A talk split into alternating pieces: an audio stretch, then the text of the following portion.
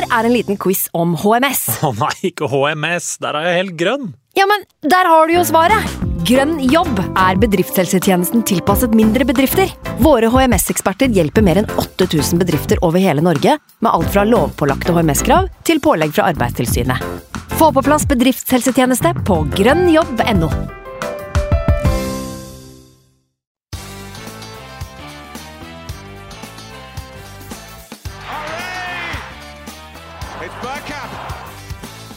for grabs now! The next station is Arsenal. Hei og velkommen skal du være til en splitter ny episode med Arsenal Station, med Magnus Johansen, som endelig er tilbake fra koronafravær, og meg, Simen Goffeng. Spillefri helg betyr ikke jubelfri helg, for etter å ha dratt i land tre ekstremt deilige poeng mot Wolls på torsdag, har vi kunnet lene oss tilbake i sofaen og sett tabellnaboene våre surre det til i tur og orden. Og dermed regner jeg med at eh, du har det veldig fint om dagen, Magnus. Ja, nå, nå smiler livet igjen. Eh, Jeg må si det. Eh, Frisk og rask og Ja, ikke helt, egentlig. Du Hardt ser ramma av eh, uforskammet bra ut. Jeg, vet jeg er rød i trynet fordi jeg sitter og drikker øl, så da, blir jeg litt, får jeg litt mer farge enn jeg egentlig har.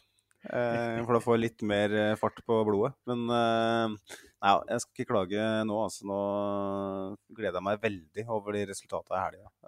Og man sitter fortsatt og koser seg med den Wolverhampton-kampen. Så eh, med tanke på hvordan januar var, på alle vis, så er jo det her en ny hverdag som vi bare må glede oss over. Det betyr at vi ikke sier at 2022 nødvendigvis blir et møkkaår sånn totalt sett allikevel, kanskje? Det er noe håp for bedring her. Jeg er ferdig med 2022. Jeg har eh, laget min egen tidsregning. Så det her er for meg eh, 2022,5. Eh, bare for å liksom komme, komme unna. Eh, og det, det, det funker. Ja, ja det er flere, flere lystige nyheter om dagen. Vi har jo, bare for å ta den med en gang, vi har bestilt oss tur. Klarte ikke å vente lenger nå, så nå blir det London-tur om en eh, snau måned, vel. Så, Bank i- bank i bordet. Ja, den, den får vi. Ikke noe kødd nå, det er jeg helt sikker på. Nei, vi får Så håpe det- det, Simen. det smaker. det. Nå er det på høy tid at vi kommer oss over damen. Hadde jo noen tanker om å hive oss med. Ser jo at supporterklubben allerede har vært eh, flinke å hive seg rundt og begynt å planlegge tur hjemme mot Leeds, er det vel, i mai. Men eh, både du og jeg fant ut at det blir litt for lenge å vente, rett og slett. Så, så vi tjuvstarter litt, og så får jo alle de som er eh, medlemmer av supporterklubben og ser fram mot en, en fellestur, eh, bare hive seg med når eh, Arsenal Norway-gjengen drar over eh, 9. mai, er vel den kampen der mot Leeds. Så vi får se. Kanskje reisebudsjettet finner noen ekstra lapper bak sofaen, og så, og så er det muligheter for å bli med der også. Ja, jeg vil ikke utelukke noe som helst. Eh, kanskje, kanskje gir det oss mersmak, eh, det vi skal på nå mot Leicester. At, eh, at vi tar opp noen forbrukslån og litt diverse, bare for å komme oss over. Eh, jeg tenker at Det er jo litt synd at nå, nå, nå har man gått snart to år. da. Eh, for min del så har det gått eh, ja, to år og fire-fem måneder, eller hva det blir, siden forrige tur. Mm. At man ikke har brukt den tida godt på å legge til sides penger til fotballturer, det er jo egentlig helt idiotisk. Vi har pussa opp badet og litt sånn. Jeg tenker jeg kunne godt skulle ønske at dassen så ut som 1982, sånn som man gjorde før. I stedet for at den er flunka ny og fin. For det, jeg, har ikke, jeg har ikke noe glede av den lenger uansett. At det er litt fine fliser og sånt, og det driter jeg egentlig i nå. Så nå angrer jeg på det. er liksom 350 000 som jeg kunne ha satt rett inn på reisekontoen. Ja, Ikke sant? Da hadde du jo ikke trengt å reise hjem heller, da. Så hvis du hadde planer om å svi av såpass på London-turing, da, da hadde du bare Jo, vært altså, jeg, jeg har, eh, som mange vet, bodd der nede, og det er 350 000, det, det, er, det, det er ikke noe man eh, Det er ikke nok for et år med Nei, hjemme borte og turing. Sånn at Mm. Men han kunne jo vært der noen måneder, da. Man kunne jo det. Eh, Jeg har jo gått med en sånn liten drøm i magen eh, en del eh, år at kanskje skal man reise tilbake en gang og være der i kanskje to måneder eller noe sånt. da. Eh, virkelig leve drømmen i en Mm. periode. Men det ble jo ikke noe av når man, eh, når man prioriterer hus og hjem. Som jo ikke er så dumt heller. Når alt kommer til alt. Nei da, de tre dagene i midten av mars, de skal bli fine i hvert fall. Ja, det skal bli deilig. Eh, hvis det er noen andre som skal over, så regner jeg med at vi ses, eh, ses på puben. Eh, En av mange. Vi skal vel innom, eh, innom de fleste oppe i Islington eh, i løpet av den søndagen i hvert fall. Får vi se hvor eh, turen går resten av helga.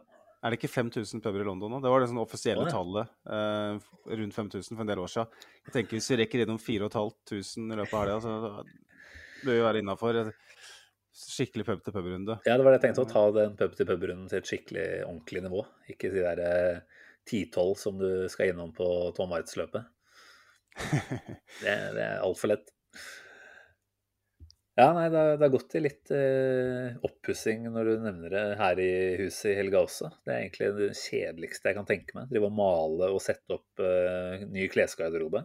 Men eh, hatt det litt hyggeligere enn jeg skulle tro med den der trepoengeren mot eh, Wolverhampton, som eh, måte stadig vekk eh, tenkes tilbake til. Det er utrolig hva, hva en seier i fotball gjør, altså. Eh, alt blir veldig mye lystigere. Ja, så har det jo vært andre lyse ting i tillegg, som, I tillegg, ja. som, som nevnt. Så um, vi har jo litt glede å, å, å snakke om her. Jeg tenker eh, kanskje før vi, før vi virkelig setter tenna i det kjøttstykket her, uh, så, så kan vi jo spinne videre på supporterklubbtankene. Uh, vi har jo stadig samarbeid med, med den offisielle supporterklubben, Arsenal Norway.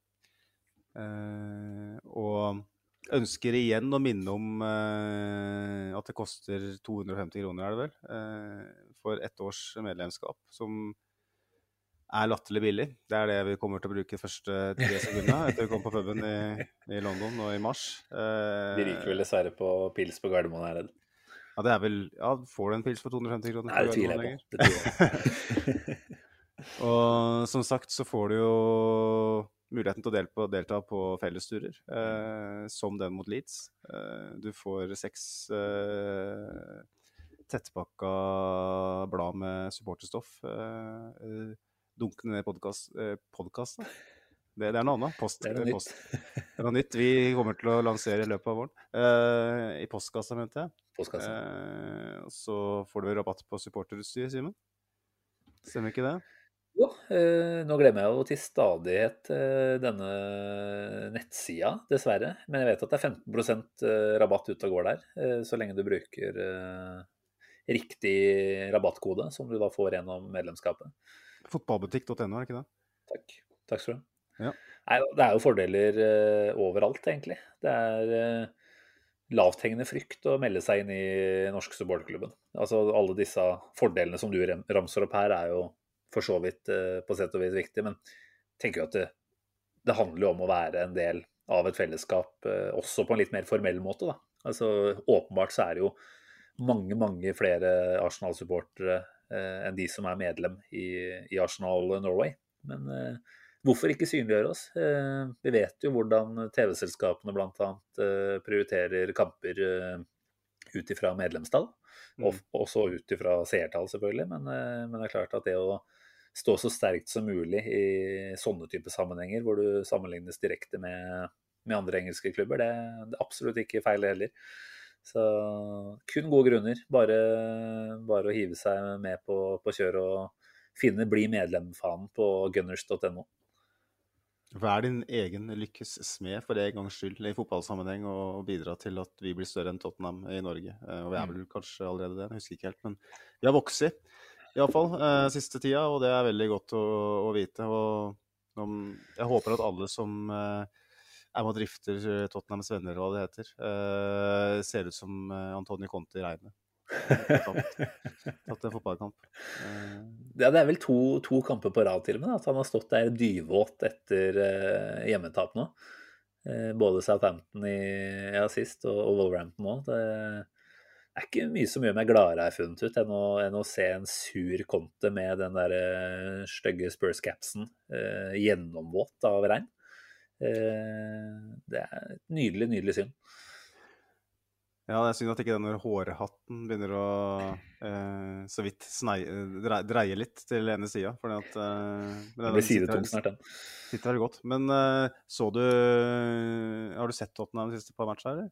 Jeg så vel eh, noe av Southampton-kampen, eh, og i dag, altså søndag, eh, så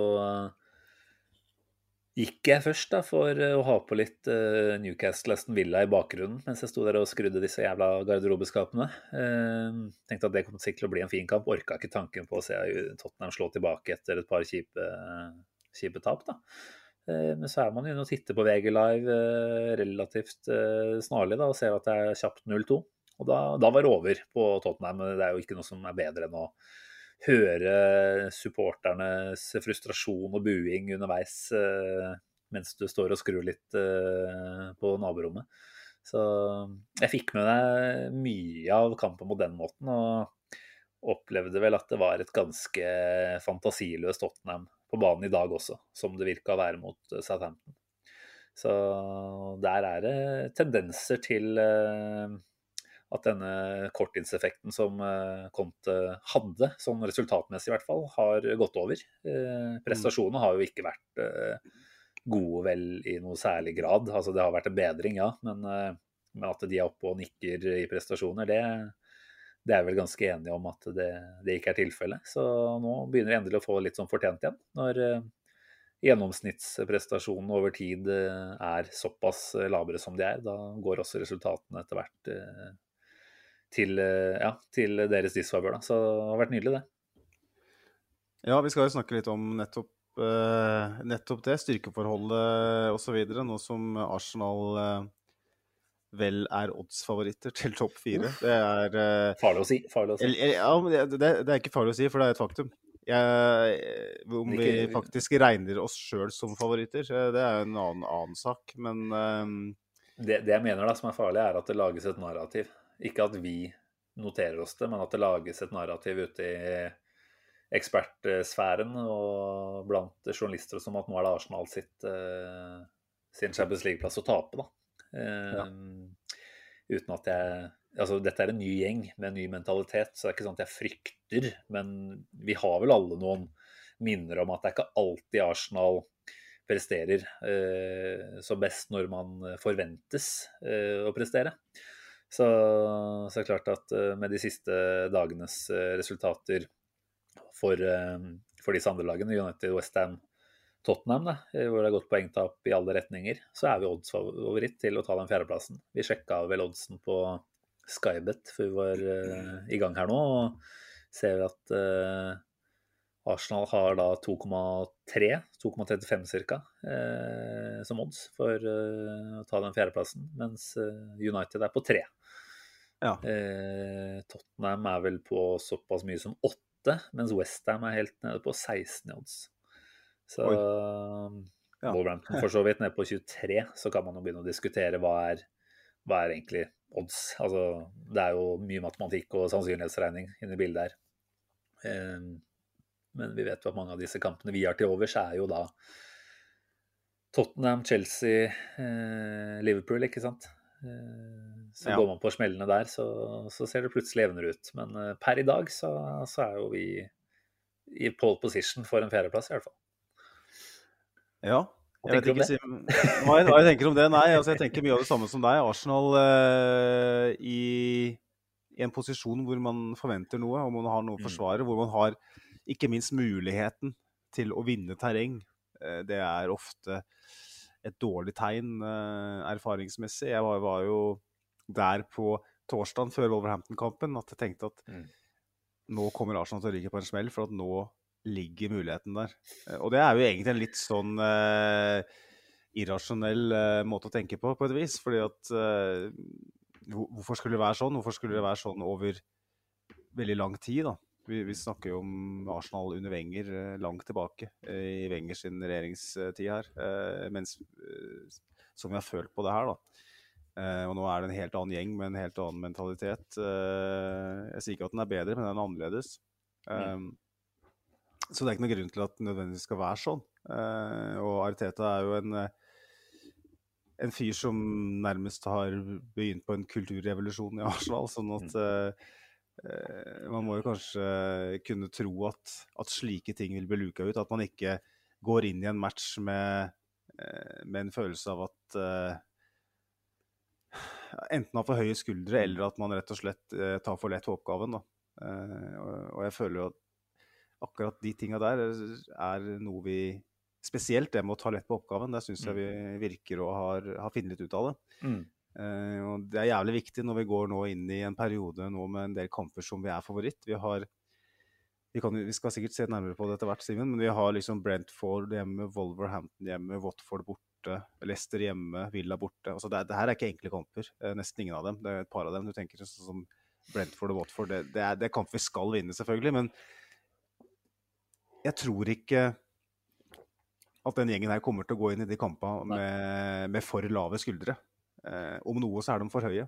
Mm. Ja, jeg, tror, jeg, tror, ikke det er der vi ryker. Altså, da er det i så fall på altså, helt sånne konkrete ting som kvalitetsnivået. Altså at, uh, sånn som vi så litt på Burnley, da. Vi, vi burde jo ha vunnet den kampen egentlig, men kvaliteten var ikke god nok gjennomgående til å få det målet. Altså, Lacassette sin sjanse, ja. Selvfølgelig skulle den vært uh, mål, men jeg, jeg, tenker det er mer der det vil skorte, da, enn innstilling og feil inngang til kamp. Mm. Eh, som du sier, jeg er veldig lite bekymra for at ikke Arteta klarer å nullstille de gutta her før hver kamp. Det virker som vi stort Altså ja, det hender at vi går ut og er merkeverdig defensive og treige, men da tenker jeg mer at det handler om Eh, altså taktiske spørsmål. Eh, også det å kanskje bli tatt litt på senga av et eh, veldig aggressivt hjemmelag. Da. Mm. Så, så, jeg føler at Arteta har, ja, som vi har snakka mye om, kommet ganske langt i denne kulturendringen. Da. Og det er veldig betryggende. Så som du sa, den Wolverine-kampen nå sist torsdag, den kunne absolutt vært et ikke bananskall engang, for det var en kamp som vi visste kom til å bli knalltøff på forhånd, og kanskje en kamp vi kunne lett sagt ja takk til ett poeng i. Eh, tanke på at Wolves har hatt et ålreit tak på oss i de siste kampene og er et vanskelig lag å, å møte. Eh, når vi da går og, og, kjemper oss til en uh, seier, da, som vi gjør på den måten der, jeg syns vi skal snakke litt om den også. For det, mm. det, er noe med den måten vi gjennomfører der på, uh, særlig etter at vi blir redusert da, til ti mann som, eh, som, igjen viser at dette laget har kommet veldig langt. Ja, det, det, er, det er jeg enig i. Og um, hvis man skal bli nummer fire, så, så, tror jeg vel nettopp det er nøkkelen. Eh, når man ser på nivået og hva som presteres av, av de som er i miksen der, så evnen da til å, å vinne på, på dager hvor hvor man ikke nødvendigvis eh, spiller champagnefotball. Og det, de aller fleste kamper så vil vi sannsynligvis ikke spille champagnefotball, iallfall ikke borte. Eh, ha den evnen da til å, å være resolutt og, og, konsentrert i 90 minutter, det, det, det, blir helt avgjørende. Og der igjen, det her tror jeg er en del av den kulturbiten som vi har snakka om. Eh, her virker det som at Teta har kommet ganske langt. Det at vi eh, at vi, at vi, klarer å låse av så godt som vi gjør da, mm. når vi blir ti mann. Eh, og det er ikke første gangen. Eh, det er noe Arteta rett og slett har fått prenta inn. og Det, det fikk en til ganske tidlig, men nå, nå, nå syns jeg vi ser det oftere og oftere. Uh, vi så det mot Liverpool i ligacupen senest, på Anfield. dette er nå Arsenal mestrer, og, mm. jeg, tror, jeg, tror, ikke det er feil heller å gå inn i en sånn kamp mot, et Wolverhampton som er, et, er, en utfordrer, tross alt. Eh, hadde de slått oss, hadde de vært foran oss på tabellen. Og vi spiller mot dem igjen om er det halvannen uke eller noe sånt. Mm. Eh, så det er nøkkelkamper. Eh, både med tanke på fjerdeplass, men også med tanke på en eventuell sjetteplass. Femte-sjetteplass. Eh, det at man da er litt kynisk og går inn med en litt forsiktig eh, inngang, sånn at man ikke risikerer å gjøre det Tottenham gjorde i dag. da, Å få to i sekken mot et sånt lag som omtrent ikke slipper inn mål. Mm. Eh, det kommer helt avgjørende. Så jeg, eh, de, den evnen der eh, til å grind out results, som de sier i England, liksom bare få med seg en 1-0 her og der, det, det, tror jeg er den aller viktigste egenskapen vi har nå fram mot slutten av sesongen. Spesielt med tanke på at vi eh, ikke skårer nok mål eh, generelt sett. Altså, Den grindinga den eh, ble jo tatt til et nytt nivå igjen da, etter at Gabriel Martinelli mista huet litt, må vi vel kunne si. Jeg syns vi skal snakke litt om den situasjonen. Den er jo snakka opp og ned i mente om eh, nå de siste dagene. Eh, veldig, veldig spesiell eh, situasjon. Alle husker hva som skjedde. ikke sant? Han uh, interferer jo med en uh, voldsspiller som skal ta innkast. Dytter sånn smått borti. Det var ikke mye å snakke om der, men uh, forstyrrer i hvert fall. Uh, jager tilbake og går jo da inn i en ganske typ sånn veldig klassisk uh, gult kort-takling hvor du dytter om, over ende en, en motspiller på vei fram i kontring. Eh, jeg vet at ja, Vi har snakka litt om det i forkant, vi, Magnus. Eh, jeg vet at du først og fremst legger eh, ansvaret på eh, Martinelli her. Du sa jo hvordan du opp, ja, du sa jo at du opplevde han Eh, altså i, i kampens hete der. Eh, at du satt og venta bare på at den andre taklinga skulle bli satt inn. Og, og sånn sett eh, tenkte at her, her, må du ta ansvar for å, å kjøre deg ned da, i, i tide. Eh, nå er det noen dager siden kampen. Har du liksom gått og ja, skal vi si, surra fram og tilbake i forhold til hva du, hva du måtte ha landa på i den situasjonen? Det er ikke noe særlig presedens uh, her. Uh, og det var mer den feelingen man satt med uh, der og da, som var styrte mine tanker. Jeg så veldig tydelig hva han gjorde på Eller i forbindelse med innkastet der. Og jeg tenkte med en gang at det her blir gult med en gang ballen ut av spill. Han kommer til å få gult for det der. Og så setter han på sprang, mm. og han som et lokomotiv bare går rett i ryggen på han Wolverhampton-spilleren. Og da tenkte jeg med en gang at nå ryker han. Det er kanskje fordi at jeg er Arsenal-fan, at vi opplever kanskje litt for ofte at når dommeren har muligheten til å gi oss det røde, så får vi det. Mm. Eh, jeg skal ikke snakke om agendaer osv., men det er bare en, det, er sånn har det vært en periode. Eh, mm. At vi, at vi, slipper på en måte ikke unna med det. da. Vi slipper aldri unna med det. Nei. Og eh, så umiddelbart så tenkte jeg at nå ryker han. Nå ryker han, fordi at nå har vi gitt dommeren muligheten til å ta han. Og sånn har det vært eh, å være Arsenal-supporter eh, denne sesongen her spesielt. Og sånn i ettertid så, så, så, ser jeg at det er en veldig sær situasjon. Uh, det er ikke slik at det her nødvendigvis har skjedd før. Uh, Iallfall ikke uh, Arteta sa vel at uh, i hans tid i fotballen, som er veldig lenge, uh, og tross alt han har både vært spiller og, og, og, trener, på det nivået her. Han sier at han har ikke sett det før. Mange andre sier det samme. Jeg, jeg, jeg, har heller ikke sett det før. Jeg har sett eksempler på, på lignende ting.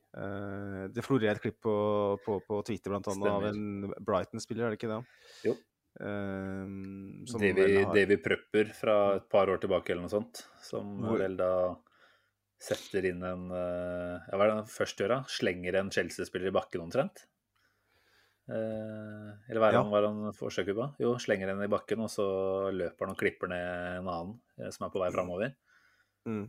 Og... Den er jo mye mer klokkeklar enn en den Martinelli, hvis, hvis, det er reglementet. Uh... To styggere forseelser. Definitivt. definitivt ja. Michael Oliver er dommer òg, skjønte jeg, i den mm. kampen. sånn at uh... Kan selvfølgelig Man... snakke om at det er en annen sesong med kanskje noen andre linjer man skal forholde seg til. Uh, men igjen, som du sier, da, dette er så utenfor det man normalt sett må forholde seg til. Så, så jeg tenker at dette er en avgjørelse som måtte tas der og da, uh, uavhengig av hvilken linje man har fått beskjed om at man skal ligge på. Så mm. det blir jo selvfølgelig da lett å stille spørsmål igjen hvorfor, eh, som du sier, benytter dommere stort sett muligheten til å dra opp kort, enten det er gult eller rødt, når det er Arsenal-spillere. Mens du opplever kanskje at eh, For det er kanskje ikke et problem at vi får så mange kort. Altså vi gjør jo åpenbart det, men mm. hvorfor får de aller, aller, aller fleste lag, om ikke alle, færre kort enn det de da egentlig gjør seg fortjent til? Det er vel heller der det ligger, da. Altså, vi ser jo med egne øyne at det Arsenal-spillerne holder på med iblant, er idioti og hodemist og rett og slett bare rør, ikke sant. Så det er helt greit at vi drar på oss en del uh, av de korta vi gjør. Men eh, når du ser en del andre, ofte da sammenlignbare situasjoner, eh, som ikke eh, til og med blåses på, men i enda mindre grad gis kort på, da, da det er jo da de store spørsmålene kommer. og det har vært et tilbakevendende tema i den podkasten her. og det er klart faste lyttere vil vel begynne å gå litt lei av at vi nå igjen snakker om hva er liksom som ligger til grunn for dette her. Men, men når du igjen ser hvordan Bruno Fernandes United sin kamp i, i går, da, Eh, først eh, bryter en, eh, en Southampton-spiller i, i, gresset før han i hvert fall ser det ut til forsøker å slå. Altså, det er i hvert fall en del kraft i den knyttneven. Den treffer jo heldigvis ikke. Men Noe som selvfølgelig da ikke blir sjekka opp av VAR engang, så vidt jeg har forstått. Mm. Eh, nei, man begynner å lure. Man gjør det.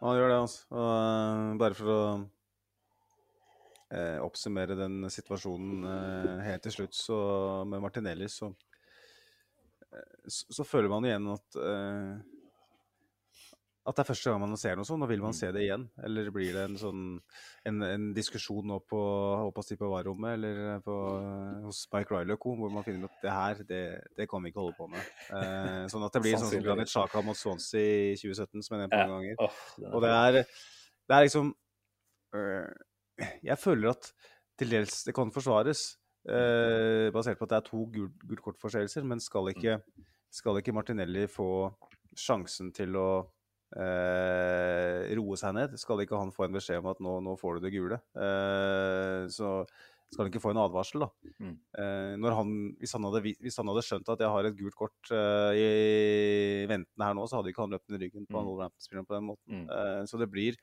det blir egentlig feil. Mm. Eh, men det blir veldig riktig hvis man er konsekvent på det. Jeg syns ikke det egentlig. Jeg syns, i utgangspunktet ikke at det er så kontroversielt å gi han rødt, eh, rødt der ut ifra hvordan jeg ser fotball personlig. Nei, for det er masse sabotasje inne i bildet her. Altså, Mm. Og det er jo ikke det vi ønsker å se på en fotballbane. Uh, altså, Arsenal er jo stort sett et lag som utsettes for mer sabotasje enn vi, enn vi begir oss ut på selv. Og det er jo min, altså det er ikke så mye som er mer frustrerende enn nettopp sånne situasjoner, da, hvor det ødelegges for et potensielt an godt angrep eller et mål. da. Så, så det er klart at å slå ned på det, det er eh, riktig. Det, det er jo sannsynligvis det som skal til for å F.eks. nå i dette tilfellet at Martinelli ikke begår den samme hendelsen eh, eller greia en gang til. Da. Og, jeg tenker jo at det, det er jo det man ønsker med dømming. Men da, da igjen må du faktisk kunne være konsekvent, og det tviler jeg sterkt på. Så jeg har eh, måte ikke noe problem med å støtte deg at eh, dette her er Martinelli sitt ansvar. Og måte, det er to separate forseelser eh, som, som lett kan forsvare å gi gult kort på hver for seg. Da. Så blir det bare veldig spesielt når du setter de samme, inn i samme situasjon, egentlig. Men, eh, men jeg tror at dette her er eh, Om det ikke er første gang, for det har helt sikkert skjedd på et eller annet nivå i et eller annet eh, tilfelle tidligere. Men eh, tvilsomt at vi får se noe sånn i særlig grad. fordi ja, altså det å sabotere er ødeleggende for spillet, men det er også det å sende av en fotballspiller i en fotballkamp. Altså, det skaper helt, et helt annet produkt, da. eh, som kanskje ikke er dommernes fokus, for så vidt. Men det er klart at man har bevissthet rundt at eh, 11 mot 11 er stort sett det som fører til det mest spennende sportslige produktet. Og det tenker jeg at eh, alle lag er tjent med, eh, og ligaen er tjent med på lang sikt. Det å Det, skal jo være dommerens, eh, dommerens fokus til dels. Man, man skal jo ikke man skal jo ikke vise ut en spiller med mindre man ikke har noe annet valg. Nei. Og jeg føler at, som Arteta vel sa, at for å vise ut Martinelli der, så må du ønske å vise den ut. Du må ha veldig lyst. Ja, og jeg tror, jeg, tror ikke, jeg tror ikke det handler om at det er Martinelli eller Arsenal. Jeg tror det er en Michael Oliver som eh, av en eller annen grunn hadde et ønske om å markere seg. Kanskje, Mm. kanskje opplevde han at, uh, at Arsenal-spillere begynte å bli litt uh, vel uh, opptatt av å sabotere. Det var jo ikke et gult kort for drøying etter eh, 60 halvtime. min der, ja. Det, ja, det var jeg jo vet ikke eh, om det er det som er årsaken. Jeg aner ikke, men han virka som han ønska liksom statuere noen Eh, eksempler etter hvert. nettopp Ja. og, Og det er jo en, en større diskusjon som man kanskje ikke skal begi seg altfor langt ut på nå, men eh, nå har vi jo igjen sett eh, disse statsa gå sin rundgang igjen da med, med Arsenal, som da igjen denne sesongen topper antall røde kort. Vi er vel oppe i da fire eh, i Premier League denne sesongen her. Eh, mens et lag som Burnley da verken har fått noen denne sesongen, eller heller ingen da, siden Arsenal fikk eh, det første under Arteta. Da har det nå blitt eh, 14 i tallet totalt. Eh, da er det jo igjen vanskelig å ikke stille de større spørsmålene hvorfor. Eh, ikke noe sånn konspirasjonsagenda fra vår side, eh, det er vi ganske enige om. Men eh, som jeg snakka litt om, det, det kan ikke være tilfeldig. Og jeg tror det handler veldig mye om en sånn confirmation bias, hvor du går inn til en kamp som dommer og har en viss forventning om at å ja, Burnley står på menyen i dag, Da er det egentlig bare å legge lista litt høyere, tillate at det spilles litt styggere, litt mer kynisk. Ellers så kommer jeg til å blåse i stykker den kampen her og dele ut altfor mange kort. Mm. Kontra at Arsenal eh, fortsatt har et rykte på seg, tror jeg, som en av de snillere guttene i klassen, selv om det selvfølgelig er paradoksalt når vi har såpass mange kort etter hvert. Eh, og da kanskje man legger seg på en litt annen list for Arsenals del, da. Jeg vet ikke. Så Svar meg gjerne på spørsmålet.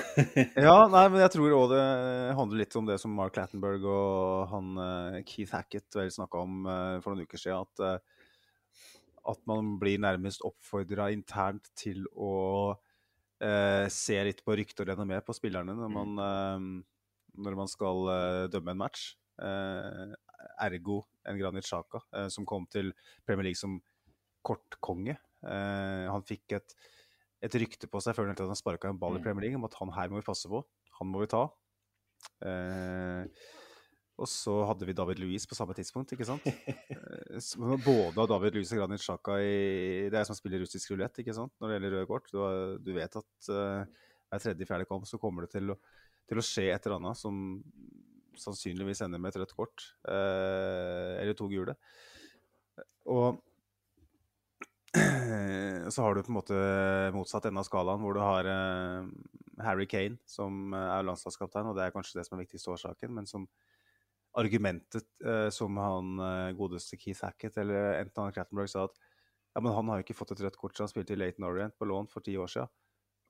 Og da blir det sånn Ja, men hvorfor Hvorf- Hvorfor eh, Eller hvordan skal man da få et rykte på seg for å være, en stygg spiller, hvis man ikke får, får kort fordi at man er ansett for ikke å være en stygg spiller? Eh, for meg så er en, det er en brist i logikken her som er helt eh, vanvittig påfallende. Og eh, jeg tror ikke Arsenal nødvendigvis eh, jeg tror ikke det, det handler om at Arsenal er ansett for å være et lag som man ønsker å ta på noe vis. Nei. Eh, enten man, et lag som er, man ikke liker, eller som styrer stygt, eller hva det er. Jeg tror at vi har hatt en del spillere opp gjennom, opp gjennom tida. Eh, de to som jeg nevnte, f.eks. Eh, Gabriel, Gabriel er i ferd med å få seg et rykte, er jeg redd.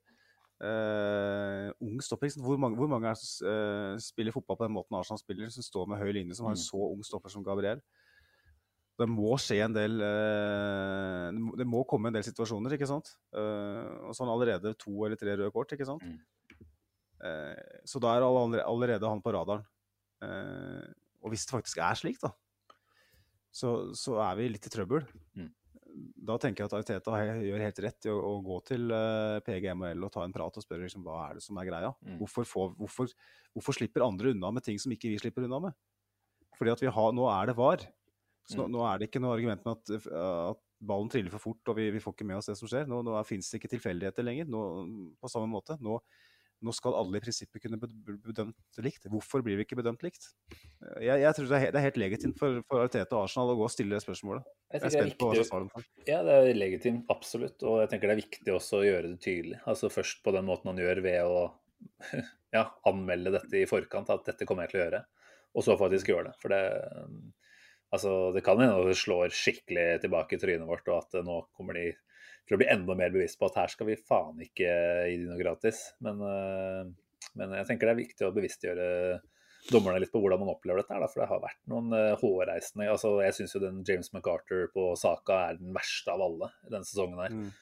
Uh, at, det, at det er noe han kom unna med da, på den måten der, det fatter jeg fortsatt ikke. Har jo klart den derre Godfrey-stemplinga i fjeset på Tomiyasu, eh, som sikkert burde vært rødt kort, men jeg opplevde at det var mer utilsikta eh, allikevel. Så Ja. nei, vi trenger ikke å ta hele den eh, oppbremsinga der igjen, men jeg tipper det blir aktuelt igjen i løpet av de 16 Premier League-kampene som gjenstår denne sesongen. her. Ja.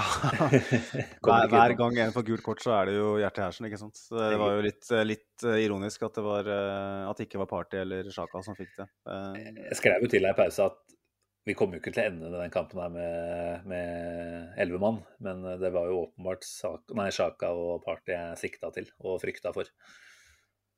Så Martinelli dro en liten joker opp hatten der. Jeg vet ikke hva Cedric eh, har av renn, han, han kunne jo faktisk ha fått to gule ganske, ganske tidlig. Hvis, hvis, en, hvis det skulle vært en Arsenal-spiller som skulle vært utvist i den kampen, her, så er det jo Cedric. Mm. Så kanskje må vi bruke Cedric litt mer, så bare la han være litt stygg. Eh, Han, han var jo nesten eh, litt sånn flaut eh, ydmyk og unnskyldende overfor både dommeren og voldsspillerne, syns jeg. Så, men da er det kanskje det som skal til da, for å havne litt mer på goodwill-sida. Det var jo ja. bedende hender og beklager, og jeg så jo når de gikk ut i andre gang etter eh, pausa der, så var de borte og klappa Michael Oliver på skulderen igjen. Så jeg syns det, var- det var litt for mye av det, for så vidt. Men eh, heller den, kanskje, da, enn å være den derre jævlige og ekle Arsenal-spilleren som dommerne får langt opp i halsen. Men jeg så før, før matchen, når, når spillere gikk ut av eh, spillertunnelen For da gikk jo Arsenal spill Det er jo fortsatt sånn korona-utmarsj, hvor uh, det ene laget kommer før det andre. Jeg lurer på hvor lenge de kommer til å holde på med det. Uh, men uh, Og det er egentlig helt patetisk, med tanke på at de driver og spytter på hverandre.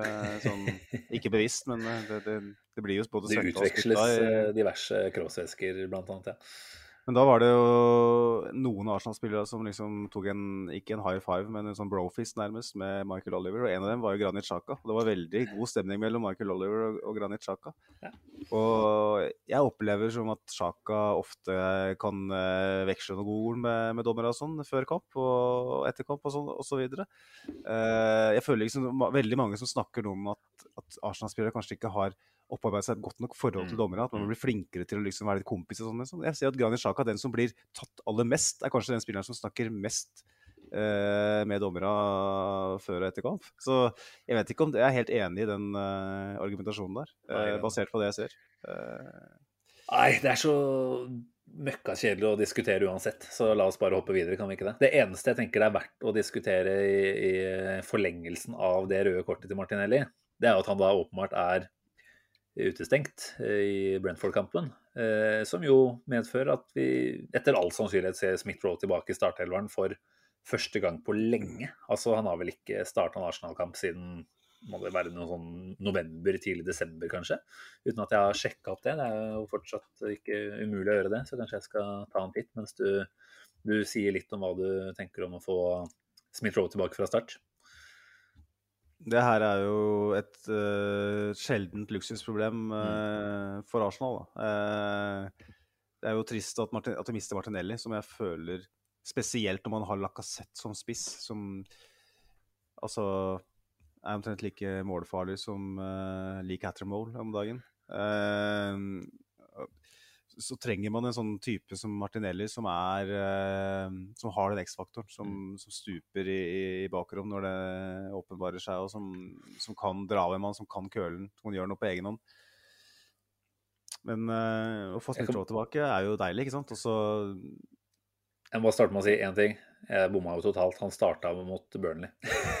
så det er ikke veldig lenge siden. Men opplevelsen er jo at en ikke har sett han i startelveren. Eh, Nå var det jo ikke så mye mål å juble for i den Burnley-kampen, så det er kanskje derfor jeg ikke har eh, klart å, å notere meg noe mer enn det. Men før det, da, så var det i runde 14 eh, borte mot United som var hans siste start. Eh, Etter det så har det stort sett eh, blitt innopp eh, siste halvtimen, 20 minuttene. Eh, Ja, ikke sant. Så jeg kjenner at det er noe jeg gleder meg fryktelig mye til. Eh, Jeg tipper at Smith-Roe nå Altså, kjenner jo åpenbart på konkurransen, da. Altså, en direkte utfordrer som Martinelli på mange måter har blitt nå, til den venstre kanten der. Eh, En Smith-Roe som, i likhet med Saka, etter å ha spilt mye fra start, kanskje så litt sliten ut i noen kamper. eh, Har nå Han hadde et lite skadeopphold der, som selvfølgelig var grunnen til at han havna ut i utgangspunktet, men så har det jo da vært uh, lit, relativt lite spilletid, sånn uh, stort sett, da. Eh, Ser jo for meg at det er et uh, både fysisk og mentalt overskudd og en innstilling om at uh, skal jeg faen meg inn på Artetas uh, førsteelver igjen. Håper jo virkelig at han ja, han er fortsatt toppskåreren vår. Jeg tenker at vi kan sette vår lit til at han eh, har store planer om å skåre flere mål. Eh, ta det tallet der litt, eh, litt høyere. Opp på tosifra snart, vel. Så ja, et luksusproblem, som du sier. Eh, jeg har om ja, faktisk enda større forhåpninger til han nå enn det eh, ja, ville hatt uh, uten at Martinelli hadde kommet inn og på en måte Kall det jekka ned litt. Uh, for jeg tror det er en tanke om at nå skal han ut der og bevise at den plassen tross alt er min. Selv om han byr på noe annet, og det kan hende at Arteta har funnet ut at med en Lacassette på topp, så er det en Martinelli-type. Han ønsker mer enn en Smith-Roll-type på venstrekanten. Men ja. Nei, det blir bra, det her. Return of the Smith, får vi si. Ja.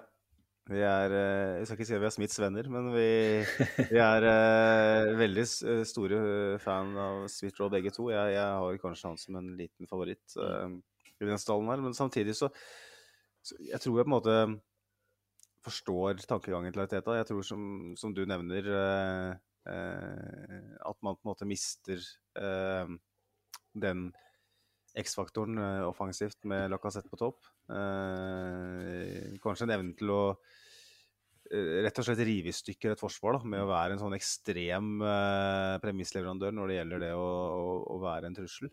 Eh, så tror jeg òg at Smith-Roe etter hvert, eh, sånn jeg har sett han egentlig hele veien, så er han litt mer sånn øyeblikksspiller. Martinelli har utvikla spillet sitt voldsomt. Han har jo sjuke tall på ta antall taklinger. Altså han er overalt. Han er nede og, og forsvarer, vinner ball, eh, bidrar i oppbyggende i mye større grad enn han gjorde tidligere. Er blitt veldig tålmodig. ikke sant? Mm. Og, eh, når han er på G, så, så, ser du Så er det en sånn konstant trussel, da. Som City, f.eks. De klarte ikke å håndtere den. Cancelo, som var en av de beste på Premier League, han, han, var jo rett og slett full eh, etter hvert. Han ble jo snurra rundt med lillefingeren. Men selvfølgelig Smith Joe han er litt mer en sånn øyeblikksspiller en, en, fyr som passer veldig godt inn i Arsenal, på sett og vis, for at vi spiller veldig øyeblikk. Eh, litt sånn oppstykka spill når vi vinner ball og mm. vi kan møte et forsvar som ikke er balansert, så, så, så, er vi på vårt aller beste. Da spiller vi mer sentralt. Det er da det virkelig ser Smith-Joe, men sånn, sånn ellers så føler jeg at han, han, har lettere for å Selv om jeg vet at eh, Martinelli forsvant litt ut av kampen mot Wolverhampton, jeg føler at Smith Roe har litt lettere for å på en måte forsvinne ut av kamper når, eh, når vi ikke dominerer og vi ikke er på vårt aller beste. Uh, så det er kanskje det han kanskje må jobbe litt med. da, mm. Å bli en spiller som tar litt mer plass ja. gjennom samfunnet 90 minutter. Fordi at jeg tror det er ingen i stallen som er bedre enn Smith Roe akkurat når vi på en måte uh, setter det av gårde. Når Arsenal på en måte stuper i angrep, og vi har og det kommer løp i alle kanter, så er det ingen som er bedre på timing og utførelse enn Smith Roe. Problemet er bare at Martinelli han per nå eh, tilfører laget mm. enda mer enn Smith-Roe eh, i litt andre faser. Vi får se hva han har å diske opp med nå mot Brentford. Det er vel eh, dessverre ikke altfor mye krutt å sette sin lit til fra benken. Så når Martinelli da også er ute, så er det jo enda, enda viktigere å se at uh, de første elleve faktisk uh, byr på det som trengs. da. Uh, yes. Uh, vi har fått noen spørsmål på Twitter, Magnus. Uh, jeg tenker vi må dra med noen av de.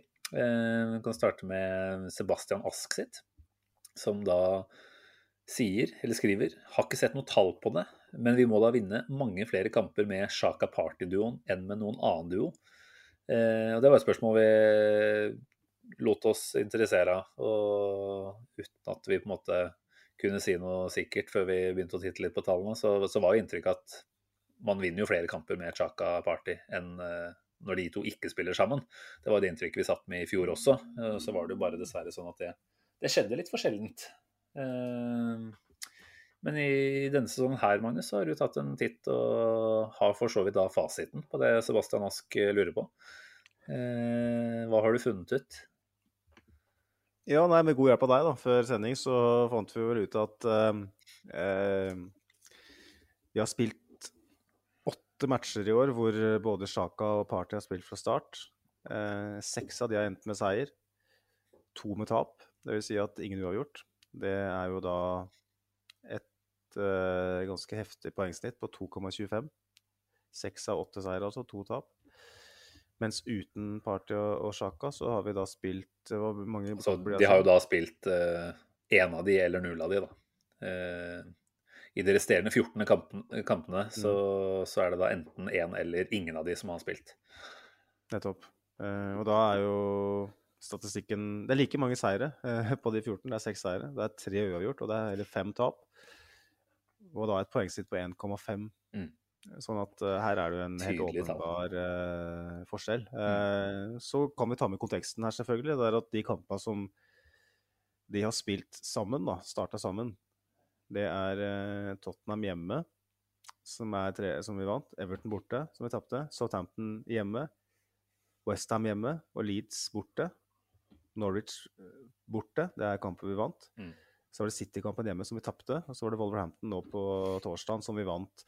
Det vil si at hvis du ser på de kampene her, da, så er det klart at sånn som Southampton, Leeds, Norwich eh, Det er jo en del kamper man kanskje kan forvente at du vunnet uansett, da. Eh, det er det er litt vanskelig å liksom skulle si sånn definitivt at, Mm. at det er sånn, en sånn åpenbar greie. Eh, men jeg tenker at øyetesten og hva skal jeg si, analysetesten man gjør uten å nødvendigvis se på tallet, tilsier at selvfølgelig er vi bedre med Granit Xhaka og Thomas Party sammen. Mm. Jeg, jeg, jeg, vil si at, det. jeg vil si at Thomas Party spesielt er så vanvittig mye bedre Mm. når Xhaka er der. Det tror jeg kanskje er den viktigste årsaken. Jeg føler at Xhaka han kan spille bra sammen med flere, mens Thomas Party han har vist klare svakhetstegn. Han har spilt med andre midtbanespillere. Da får han ikke den stabiliteten og den plattformen han trenger for å være god. Eh, han funker rett og slett mye bedre sammen med Granit Xhaka.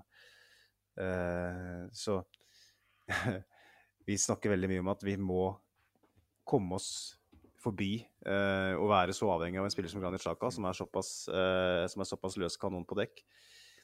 Men eh, for, for at vi skal kunne få det beste ut av Thomas Party, så må vi i hvert fall finne en spiller som byr på mye av det samme som Granit Sjaka gjør. Eh, jeg føler jo, som jeg kanskje har sagt før, at eh, det å sette sin lit til Granit Sjaka over tid, det er jo samme som å prøve å reparere en hangover med en ny fest. Det føles jævlig deilig i en liten periode, men man havner alltid i, fosterstilling på badegulvet igjen på et eller annet tidspunkt. Men per nå så må vi jo bare ligge litt på, på badegulvet og riste, altså. Kass, rope litt i den store telefonen bare for at Thomas Party eh, skal få den partneren han trenger. Eh, og som Sebastian Ask spør, så, så, så er svaret at ja, selvfølgelig, vi er mye bedre med, med Granit Xhaka og Thomas Party. Eh, vi har ingen andre som er i nærheten av de to.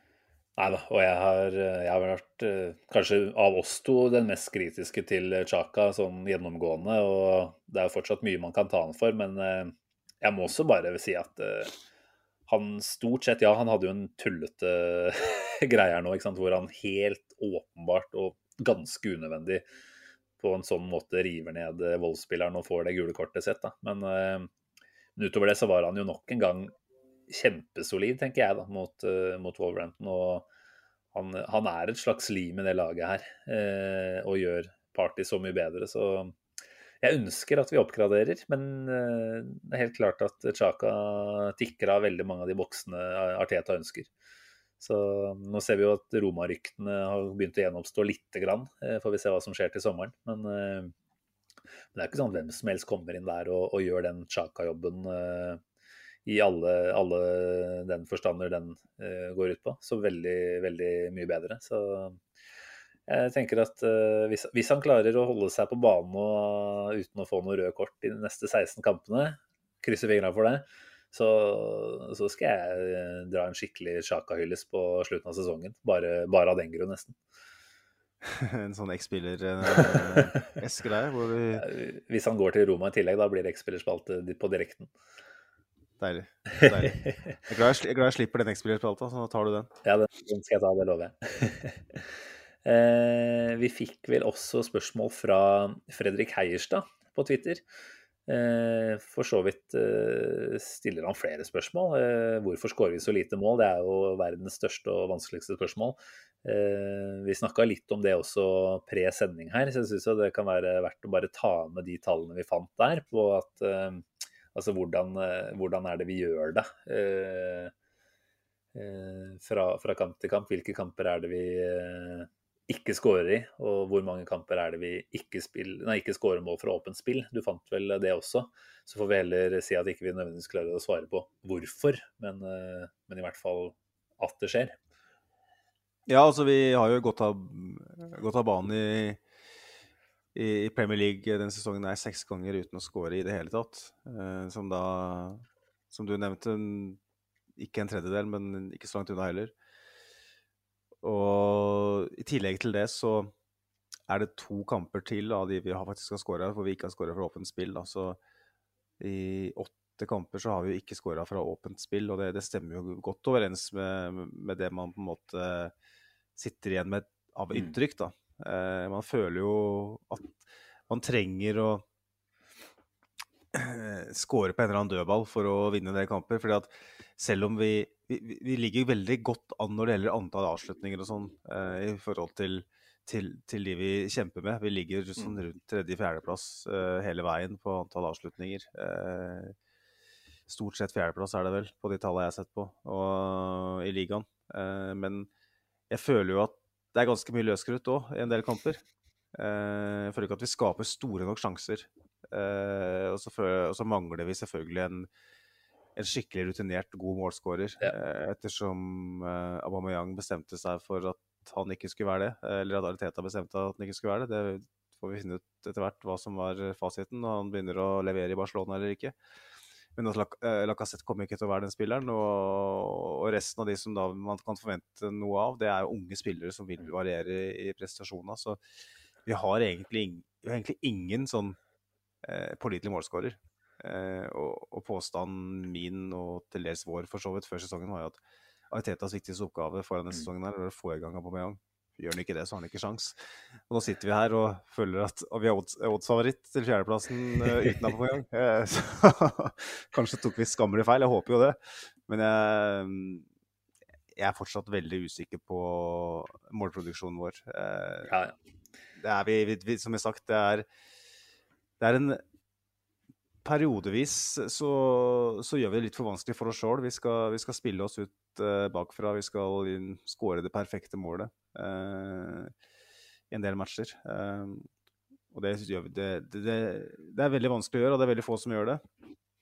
Og så mangler vi rett og slett kvalitet for å skåre nok mål. Men jeg syns det, er oppløftende at vi skaper såpass mange sjanser som vi gjør. Det, vil, vil si at med litt mer kvalitet, så, så kanskje vi, mm. vi, løser floka. Til og med Lacassette kommer til å skåre noen mål, selv om han jo helt klart burde hatt et på, på torsdag òg.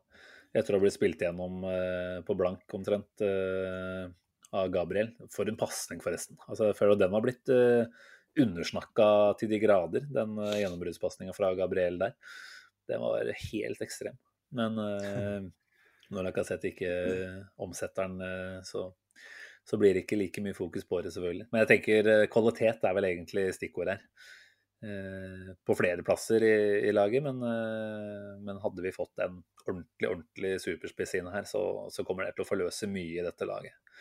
Da tror jeg det, det også vil gjøre arbeidsforholdene enda bedre for, for de spennende unggutta som nå på en måte De har et slags ansvar, da, som for så vidt kan være fint å vokse på, men det er viktig at ikke det blir for stort heller. Mm. Uh, yes, Fredrik hadde ett spørsmål til som jeg syns vi skal bare ta med her. Uh, uten at uh, det er helt oppe og aktuelt akkurat nå, så, så, spør han om bør vi bli bekymret over kontraktsituasjonen til Saka og Saliba. Det er jo to litt ulike Eller for så vidt noe likhetstrekk der. Det er vel til sommeren to år igjen på begges kontrakter. Mm. Saliba har fortsatt ikke spilt omtrent i klubben, annet enn noen treningskamper. Ehm, men rapportene skal vel ha det til at Arsenal er ganske klare for å tilby han en kontraktsforlengelse til sommeren, og at han også er innstilt på å komme tilbake igjen til, til klubben. Ehm, kan du starte med den? Hva tenker du altså, Det er ikke noe tvil om hva man bør gjøre her. Ehm, det er jo plass til flere stoppere. Alt tyder på at Saliba har veldig mange av de kvalitetene som Arteta ønsker fra en midtstopper. Så at han bør være eh, Arsenal-stopper, og da ha en forlenga kontrakt eh, fra og med neste sesong. Det er det vel ikke noe tvil om? Nei, det, det må vi jo håpe på. Eh, det er jo alltids noen som er ute og mener at Saliba ikke er klar osv., og, så videre, og at det er At alt som har skjedd i hans karriere, Arsenal-karriere så langt, er riktig med tanke på fortsettelsen. Det er jeg mer usikker på, men at at intensjonen må være at han skal tilbake, det, mm. det, det, det håper jeg virkelig. For Um, nå har han prestert i Frankrike såpass lenge. Uh, han er vel fortsatt Han er 21 eller noe sånt? 1 eller 22. Han er kjempeung, ikke sant? Og jeg har altså, I tillegg til liksom fysikken og, og råmaterialet som han trenger som stopper, så, så, så, viser han at han kan spille fotball. Han har uh, distribusjonsevner uh, av høy, høy klasse. Så mm.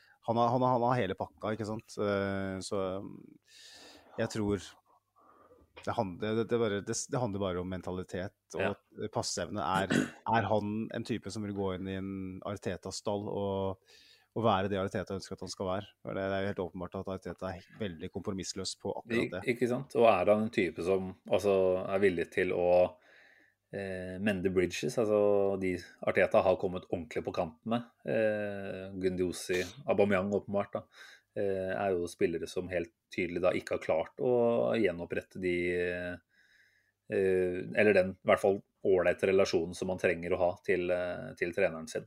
Hva er det som skjedde med Saliba-situasjonen?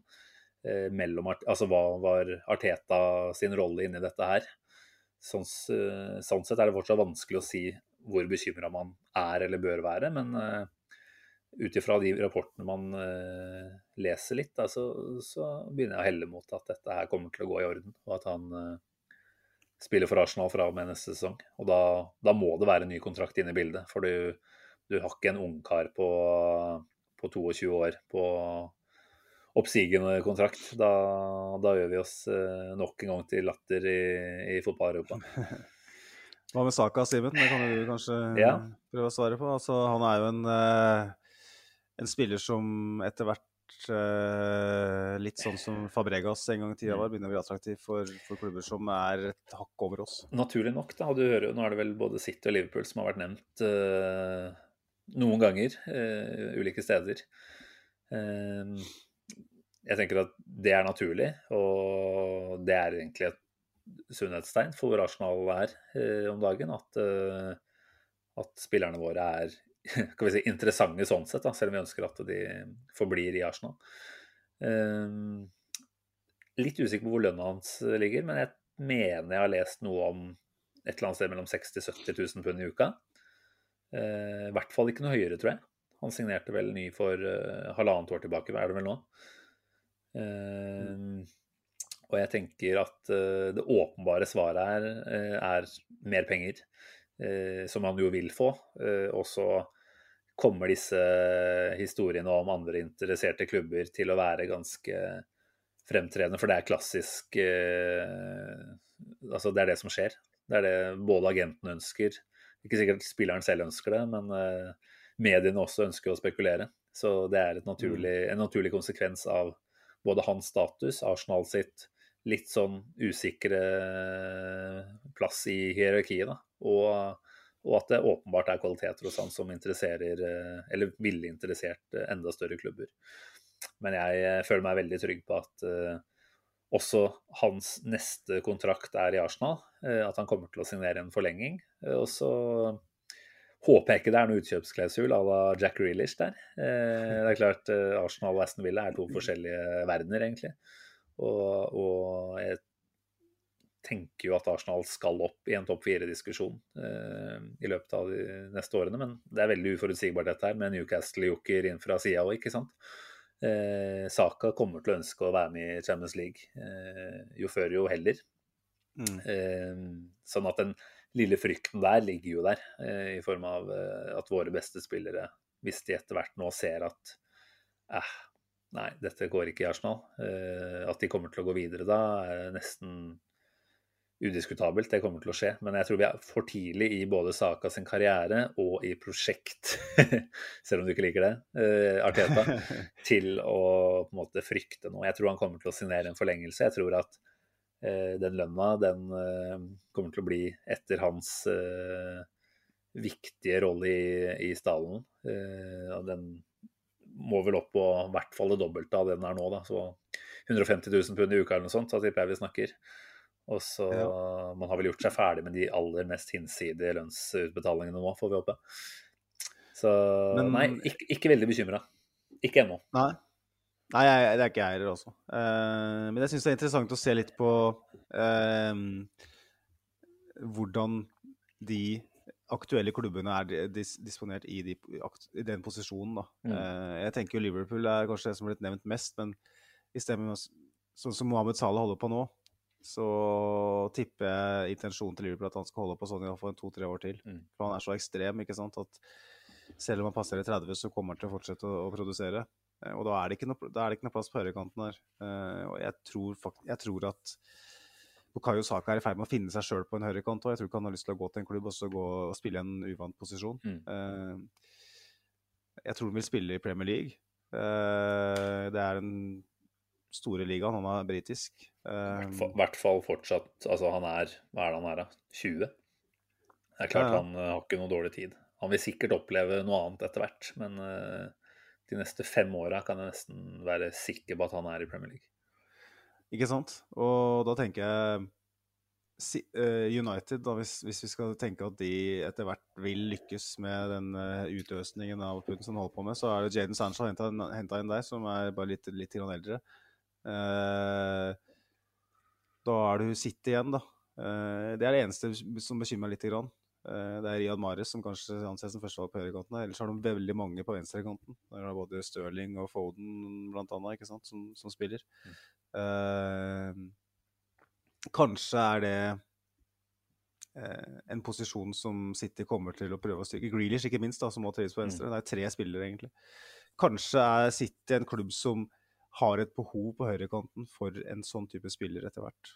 Eh, I løpet av ett eller to år. Det, det, ser jeg ikke helt bort ifra. Så det blir spennende å se om eh, Peppen kommer inn og prøver å godsnakke litt med sin tidligere assistent. Jeg håper ikke det. Tror du ikke kanskje Pep er ute av City-stolen i løpet av et par år? da? Jeg vet ikke hva han ser for seg. Vinner Champions League der nå, så har vel han gjort jobben sin, på en måte.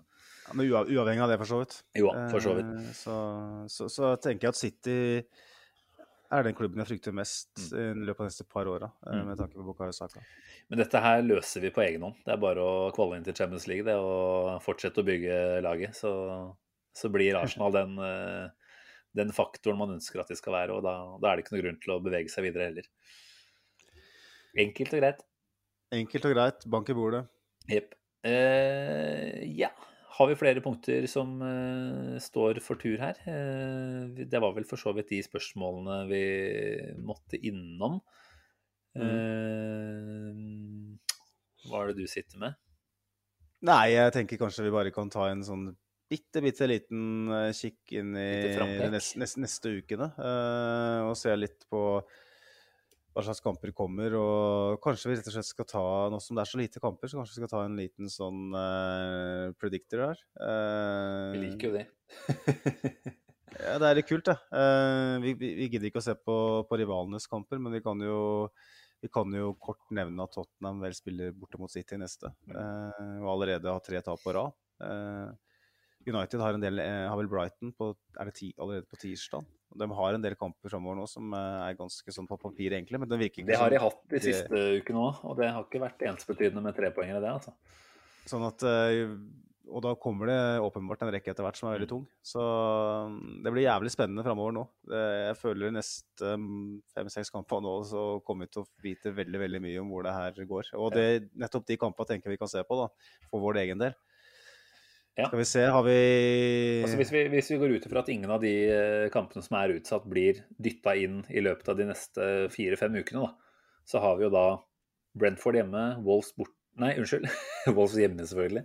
Watford mm. borte, Leicester hjemme, Aston Villa borte. Eh, de neste fem, da. Eh, tar... Stemmer det da at det er Palace ja. borte, og så Brighton, og så Southampton? Stemmer. Så United. altså den rekka her. Vi, vi, vi, kan ikke slutte på Villa bare for å ikke Ja, for det er klart jeg tipper at vi får en av de utsatte inn før eh, Ja, nå er det jo en landslagspause, så det lar seg jo ikke gjøre med å dytte inn noe før Palace-kampen heller, nei. nei. Eh, faktisk. Um, altså, det du kan si, det er med unntak av de utsatte kampene, hvor da borte mot Chelsea eh, kanskje er den verste. Altså Hjemme mot Liverpool er vanskelig, borte mot eh, Tottenham per i dag bør kunne være muligheter for det. Eh, så har vi også et ganske Vi har på en måte gjort, gjort oss unna med mange vanskelige plasser. Da. Vi er hjemme mot United. Eh, vi er hjemme mot Everton. Ikke at den nødvendigvis hadde vært så veldig tricky, men eh, Ai, ai, ai. Jeg kjenner at jeg får litt vann i munnen allerede her nå. Men vi, la oss ta de fem neste, da. 15 enkle poeng der. Kan ikke du starte? To hjemmekamper på rappen. Jeg forventer eh, seks poeng, helt, helt klart. Eh, Et arbeidsuhell her eller der vil vi gå på, men nå, nå gikk vi på ett mot Burnley. Da føler jeg at da har vi gjort oss unna med det for en liten stund. Eh, Watford borte, kjemper med for livet, ikke sant. Eh, Roy Hodgson som vil komme inn og for så vidt ha en viss påvirkningskraft på det defensive, skulle en tro, men de tapte jo 0-2 mot Brighton i dag, var det vel? Eller var det i går? Det var i går, kanskje. Mm. Eh, jeg syns det, det er vanskelig å dra til Watford og si at du ikke forventer tre poeng. Det, det er på en måte uhørt da, når du er Arsenal og, og skal eh, helst inn i en eh, Champions League til neste år. Så jeg sier tre poeng der, jeg òg. Og så er det vår kamp, da. Leicester hjemme. Søndag 13. mars. Vi skal i hvert fall bidra med vårt. Vi skal bidra med vårt. Eh, har jo ganske god utdeling på Emirates, så vil håpe og tro at det fortsetter. Og så klart Aston Villa borte. Har fått en liten boost etter Gerrard. Eh, men jeg, jeg så på før Wolves-kampen, så så jeg på Wolls som vanskeligere av de bortekampene her. Så klart, eh, det er marginer inne i bildet, og det er sannsynlig eh, at vi kommer til å slippe opp i en av disse her. Med tanke på Mm. at det, det, det, er, eh, det er ikke sånn at vi kjører over motstanderne våre. Men Det har vi råd til òg. Ikke sant? Hvis, hvis vi tar Jeg vet ikke hvor vi slipper opp, men jeg tipper at vi sier at vi får en uavgjort i en av de, og så fire seire. Ok. Eh, da skal jeg si meg veldig godt fornøyd. Det, da hadde jeg vært meget fornøyd hvis det hadde vært, uh, vært utfallet av det. Jeg er nok det er- eh, Det er vel der vi må være, jo nesten, er det ikke det? For å liksom ha litt å gå på. Altså Chelsea borte. Lett å tenke at det blir en, eh, en mist der. Eh, Liverpool hjemme. Eh, vet ikke om de begynner å kjenne eimen av eh, City, men eh, Liverpool er uansett vanskelige. Så er det Tottenham, da, som selvfølgelig kan bli hva som helst. Men si at man eh, mister litt av det man har vunnet i de tre kampene der, da, så er det jo ikke så mye å gå på plutselig. Så, så jeg tenker at vi trenger fire seire på de neste fem. Ja, eh, det kan godt hende. Eh, jeg er bare veldig usikker på de rivalene våre. Sånn som de holder på akkurat nå, så tenker jeg jo at eh, det er ikke sikkert vi gjør det. Men eh, for min del så, så deler jeg mange av de samme tankene. Jeg tror vi slår Brentford. Men så har jeg en snikende følelse at de fort kan eh, ryke på New York mot Wolverhampton. Mm. Wolverhampton de er bedre borte enn hjemme, og de er jævlig gjerrige. Ja. Um, Fikk en god opplevelse i Nord-London i dag. Gjorde det. Uh, så slår vi Watford borte. Og så, fordi at du og jeg står og skriker fra full hals etter eh, 4500 pubbesøk, så kommer vi til å vinne hjemme mot Leicester. Det tror jeg òg, for at Leicester dem er Jeg så dem vant De vant eller ikke, han ble uavgjort mot Westham i dag, faktisk. Men Mm. Leicester er ikke det samme som den var for et år siden. Eh, har brukbart tak på dem hjemme òg, mener jeg. Vi tapte vel kanskje i fjor, men ellers så pleier vi vel å ta dem. Eh, og så tror jeg vi går på en uavgjort mot Villa. Så jeg tror vi vinner eh, tre og tar to, to uavgjort. Og det, med tanke på at vi slo Wolverhampton, så tenker jeg at det er, det er ikke noe det er ikke noe rødlampekrise, men eh, jeg håper at enten den Wolverhampton-kampen eller den Villa-kampen, som jeg snakker om nå, at vi klarer å vippe den i hvert favør. Men jeg tror ikke vi gjør det. Det er, det er bare min spådom. Nei, men litt mer pessimisme må det være her. Så det er helt, helt fint det, Magnus. Jeg tenker eh, Går vi på de neste Ja, hva er det vi snakker da? Eh, Mellom, eh, mellom 13 og 15 poeng, da. I løpet av de neste eh, fem kampene. Da har vi lagt et ålreit grunnlag for opp, eh, oppløpet her. Ja. Vinner vi, vinner vi de fem kampene her, da, da er vi i en kjempeposisjon. Mm. Eh, da er det sånn at da har de andre laga kniven på strupen hver eneste match. Eh, så Ja, og de, det er klart de møter hverandre, de også. Så, Mm. så poeng skal tapes. Eh, Vi har United hjemme òg, ikke sant? Vi Mm. har Tottenham borte. Eh, vi har det her i våre egne hender. Og det, Så enkelt er det jo faktisk. Nå er vi i midten av februar, Mm. sånn at det, det må jo kunne sies å være mer enn det forventa. Og så syns jeg det er veldig viktig i all sjampisen og konfettien som eh, spres rundt nå, eh, altfor tidlig, eh, blant annet deg, eh, å si at en av de viktigste årsakene til at vi er i en posisjon her, er fordi at Manchester United ser ut som en bøtte med møkk. ja. Det er jo derfor. Altså, husk, altså United, uinteresserte, overbetalte eh, drittunger, det der, altså. United skulle jo ha ti poeng mer enn det de har, minst. Ut ifra uh, hva vi forventa ut ifra enkeltspillerne, ja. Uh, Ja, ut ifra hva vi forventa for jo da, sesongen nå. for så vidt. For så vidt. Så vi spodde, når vi spådde Arsenal på femte-sjetteplass før sesongen, Ja. så, så føler jeg at vi egentlig har fått det vi forventa, kanskje pluss litt grann til. Ikke noe mer. Det er bare det at det har åpna seg dør her. Mm. Eh, og jeg, jeg er veldig fornøyd, altså. Det er ikke det. Det er bare det at jeg tenker sånn poengmessig så ligger vi ikke noe, så veldig mye foran det vi forventa før sesongen. Det er bare det at det er en, det er en kjøkkeninngang som er åpen der. Mm. Og da gjelder det å benytte seg av den, for at den er ikke der neste sesong nødvendigvis. Definitivt ikke. Eh, nei, vi må forhåpentligvis ikke se tilbake til det er som en sånn what if-mulighet. Eh, det er jo det man frykter, at dette på en måte er gullbilletten inn og muligheten til å ja, rett og slett bygge den klubben her opp de neste sesongene. Eh, kontra å ja, Nå orker jeg ikke å bli altfor negativ igjen, men det er klart det å miste sine største unge talenter og stjerner, det, det, det ville vært brutalt. Mm. Det er liksom gitt en sånn ja, Hvis dette går veien nå, så, så er det mye ved dette laget her som tilsier at får man inn den ene superspissen, da, så er dette et lag som virkelig kan gå videre og bli sterke. Eh, ordentlig sterke. Så vi får se hva det blir. Yes. Da har vi Eh, hoppa sånn. Vi har det. vi har det. Jeg tenker du skal få lov til å komme med ditt uh, gylne bidrag. Det er for så vidt ganske lenge siden nå, og det er det jo gode grunner til. Men uh, det er jo sånn at du har fått litt tid mellom uh, både sykdom og jobb og familiefaretilværelse, og klart å dra en uh, flott, uh, vil jeg tro i hvert fall, uh, X-spillerspalte opp av hatten. Det her er ikke mitt stolteste verk, det her. Det må jeg si. Fordi at jeg har blitt skrevet litt i hytte og gevær. Men det er en X-spillerspalte, så Bare det tenker jeg er en seier i seg selv. Siden jeg, jeg savner det veldig. Så det omtrent blir vel årets første, eh, gjør det ikke det? Jeg hadde én, tror jeg. Uh, Giroud eh, hadde jeg vel for eh, Ja, når eh, Andreas fra Arctic Gunner Pod var her, ja. Stemmer det. Jeg tror det var i år. Stemmer det. Eh, ellers så har det ikke vært noen på siden i fjor. Eh, men vi har nesten ikke vært der sjøl, så det, det er jo derfor. Arsenal jo- spiller ikke kamper, og vi er på lange, lange ferieopphold. Ja, det, det føles ikke som ferie, men Nei, Podferie. Nei, men nå er vi tilbake, og du er tilbake med X-spillerspalte, og da lener jeg meg bare tilbake i godstolen, jeg. gjør det. En gullforgylt Lamborghini triller inn portene på Emirates Stadium for aller første gang. Det er glam, og det er bling. Dypt nede i Recaro-setet skimtes en velantrukket fyr som mer enn matcher bilen. Hvert plagg er valgt med omhu, og det glitrer i gull fra både sko, caps og T-skjorte.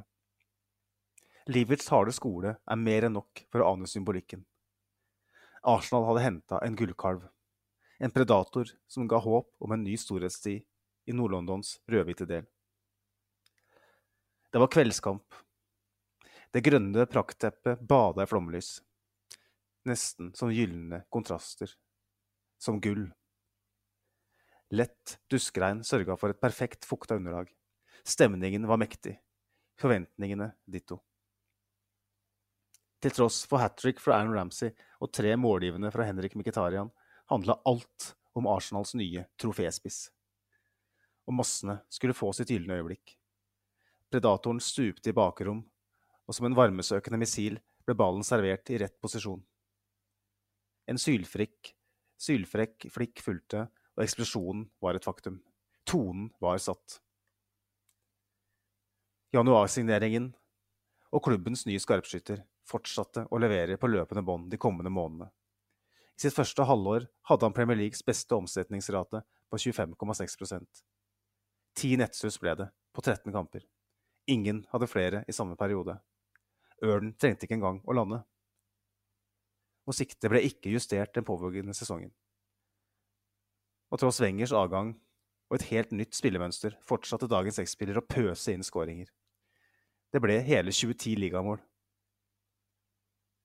nok til å sikre gullstøvelen, som den første Arsenal-spilleren siden Robin van Persie i 2012. Dessverre var ikke laget i nærheten av å matche hans prestasjoner.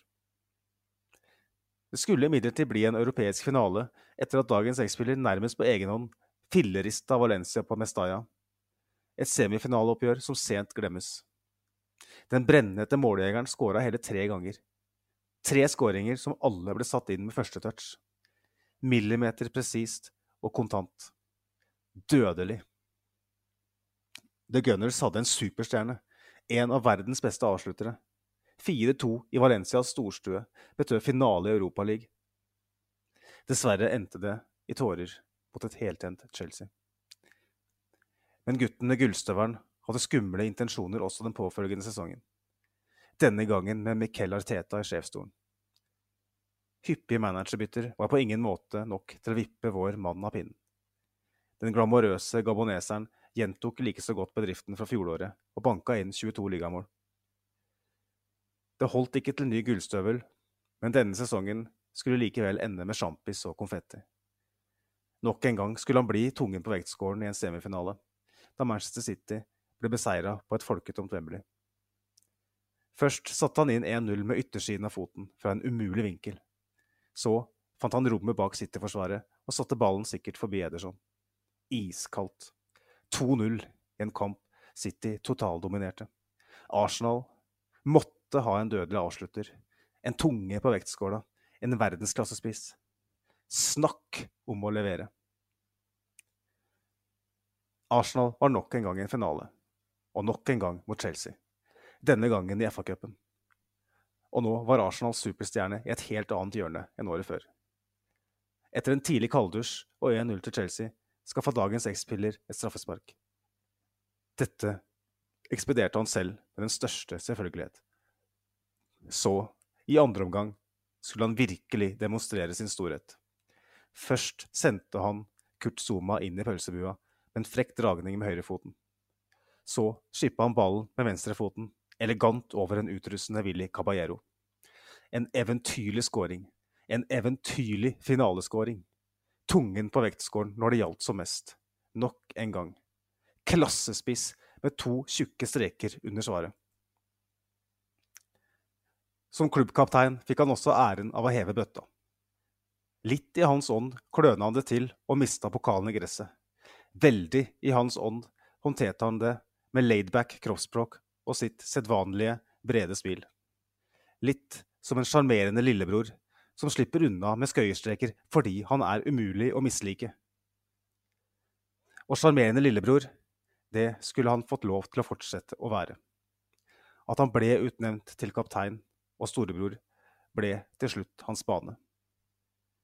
Arsenal har etter hvert en litt flau historikk når det gjelder å velge kapteiner. Dagens X-spiller føya seg dessverre inn i rekken. Totalt uskikket for et sånt ansvar. Det ble bare en tyngende hindring en bør på de ledige skuldrene og et slør over den smilende munnen. Alltid hadde han vært litt laidback.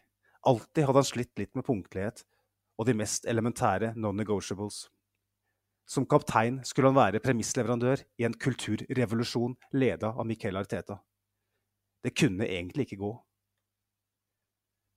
Vrakingen foran Nord-London-derbyet i mars 2021 var bare et forvarsel kasta under bussen og ydmyket i all offentlighet av mannen han få måneder tidligere hadde omtalt som My Manager. Mange reagerte på behandlingen. Er det sånn man håndterer sin søsters stjerne? Har man råd til det? Vel, dagens X-spiller hadde ikke prestert på samme nivå denne sesongen. Sjanseproduksjonen var riktignok lutfattig fra lagkameratene, men likevel var omsetningsraten til storskåreren dramatisk redusert. Kanskje følte Arteta at dagens X-spiller ikke hadde gjort seg fortjent til spesialbehandling. Kanskje så han at gaboneseren ikke passa helt inn i måten han ønska at lagets skulle spille på. Ville han håndtert det på samme vis om spissen fremdeles hadde hatt ligaens beste omsetningsrate? Vel, det som er sikkert, er at manageren ikke fikk ønska reaksjon. Kun måneder senere følte han seg tvunget til å frata ham kapteinspinnet, og nok en gang dryla ham under bussen foran et siklende pressekorps. Omsetningsraten hans hadde også falt ytterligere, helt ned i 14,3 nesten en halvering fra hans beste sesonger. De sportslige argumentene for at han skulle bli reintrodusert i laget, var nå syltynne. Og utafor banen hadde manageren fått nok. Mer enn nok. Det var no way back. En overgang til Barcelona var dermed en god løsning for alle parter. Dagens X-spiller var en skygge av seg selv de siste par sesongene. Smilet var borte, og målene likeså. Det var vondt å se hvor utilpass han var i Artetas system. Det var vondt å se en kaptein som åpenbart verken ønska eller kunne lede. Men hans bidrag i N5 de skal feires og ikke skyves under teppet pga. trist sorti. I tillegg til både gullstøvel og avgjørende bidrag ved store anledninger satte han nye standarder i Arsenal. I sin 79. ligakamp satte han inn sitt mål nummer 50 i kanonskjorta. Det er ny klubbrekord i Premier League-æraen. Ingen har vært raskere til 50 fulltreffere. Selv ikke Ian Wright eller Thierry Henry. Målsnittet hans de første par sesongene var rett og slett grensesprengende. Og selv om han, sammen med lagkameratene, mislyktes med å skyte Arsenal tilbake til Champions League, lyktes han så til de grader med primæroppgaven sin. Han kom glisende inn portene for å skåre mål, og nettopp det gjorde han med den største selvfølgelighet. Fyren med gullforgylte sportsspiller og overdådig stil matcha sitt image også på banen. Pierre Emerick Aubameyang var en virkelig superstjerne, og han forlot Emery Stadium som et Arsenal-ikon. Der er du rask på jobben, altså, Magnus. Ikke dårlig å hive seg rundt og få den her produsert eh, på så kort tid. Men eh, det er for så vidt eh, den mest ærefulle avskjeden eh, noen har gitt eh, Aubameyang siden han forlot Emirates. Eh, det ble jo ut bakdøra, rett og slett. Så Mm. Når du nå gjør det på denne måten her, så syns jeg det, det er vel fortjent etter den eh, jobben han tross alt har lagt ned for Arsenal i, i fire sesonger. Mm. Så nei eh, En spiss eh, man virkelig kunne bli glad i både pga. målproduksjon og lynnet hans, selvfølgelig. Og så var det dessverre Jeg også tenker det at det kapteins, den kapteinsutnevnelsen var en bommert eh, som man burde kunne unngått når man eh, har en såpass dårlig historikk eh, på å utnevne Arsenal-kapteiner de siste årene. Da burde man sett at her, her er downsiden såpass stor. Men problemet var vel kanskje at de helt åpenbare kandidatene ikke var De var ikke der ennå. Eh, situasjonen i dag er en annen. Eh, Mm. Opplever jeg i hvert fall at det er et bredere felt av kapteinsemner eh, i dag, selvfølgelig. Så jeg tenker at det ble, det ble litt for, for knytt på alle måter. Eh, både i form av hva som da naturlig nok bør forventes av en kaptein, og også når det da begynte å butte litt mot i, i målproduksjonen. Da ble, det, da ble det vanskelig for Aubameyang å fortsette i sitt frie fullt firsprang og bare kose seg. Da ble det rett og slett eh, vanskelig for han. Så Mm. Veldig veldig bra sammenfatning. Du sa i forkant at dette kommer til å bli kjedelig, men det syns jeg ikke det var. En fin, eh, fin eh, måte å se tilbake på en eh, innholdsrik Arsenal-karriere, da. Må jo kunne kalle det det.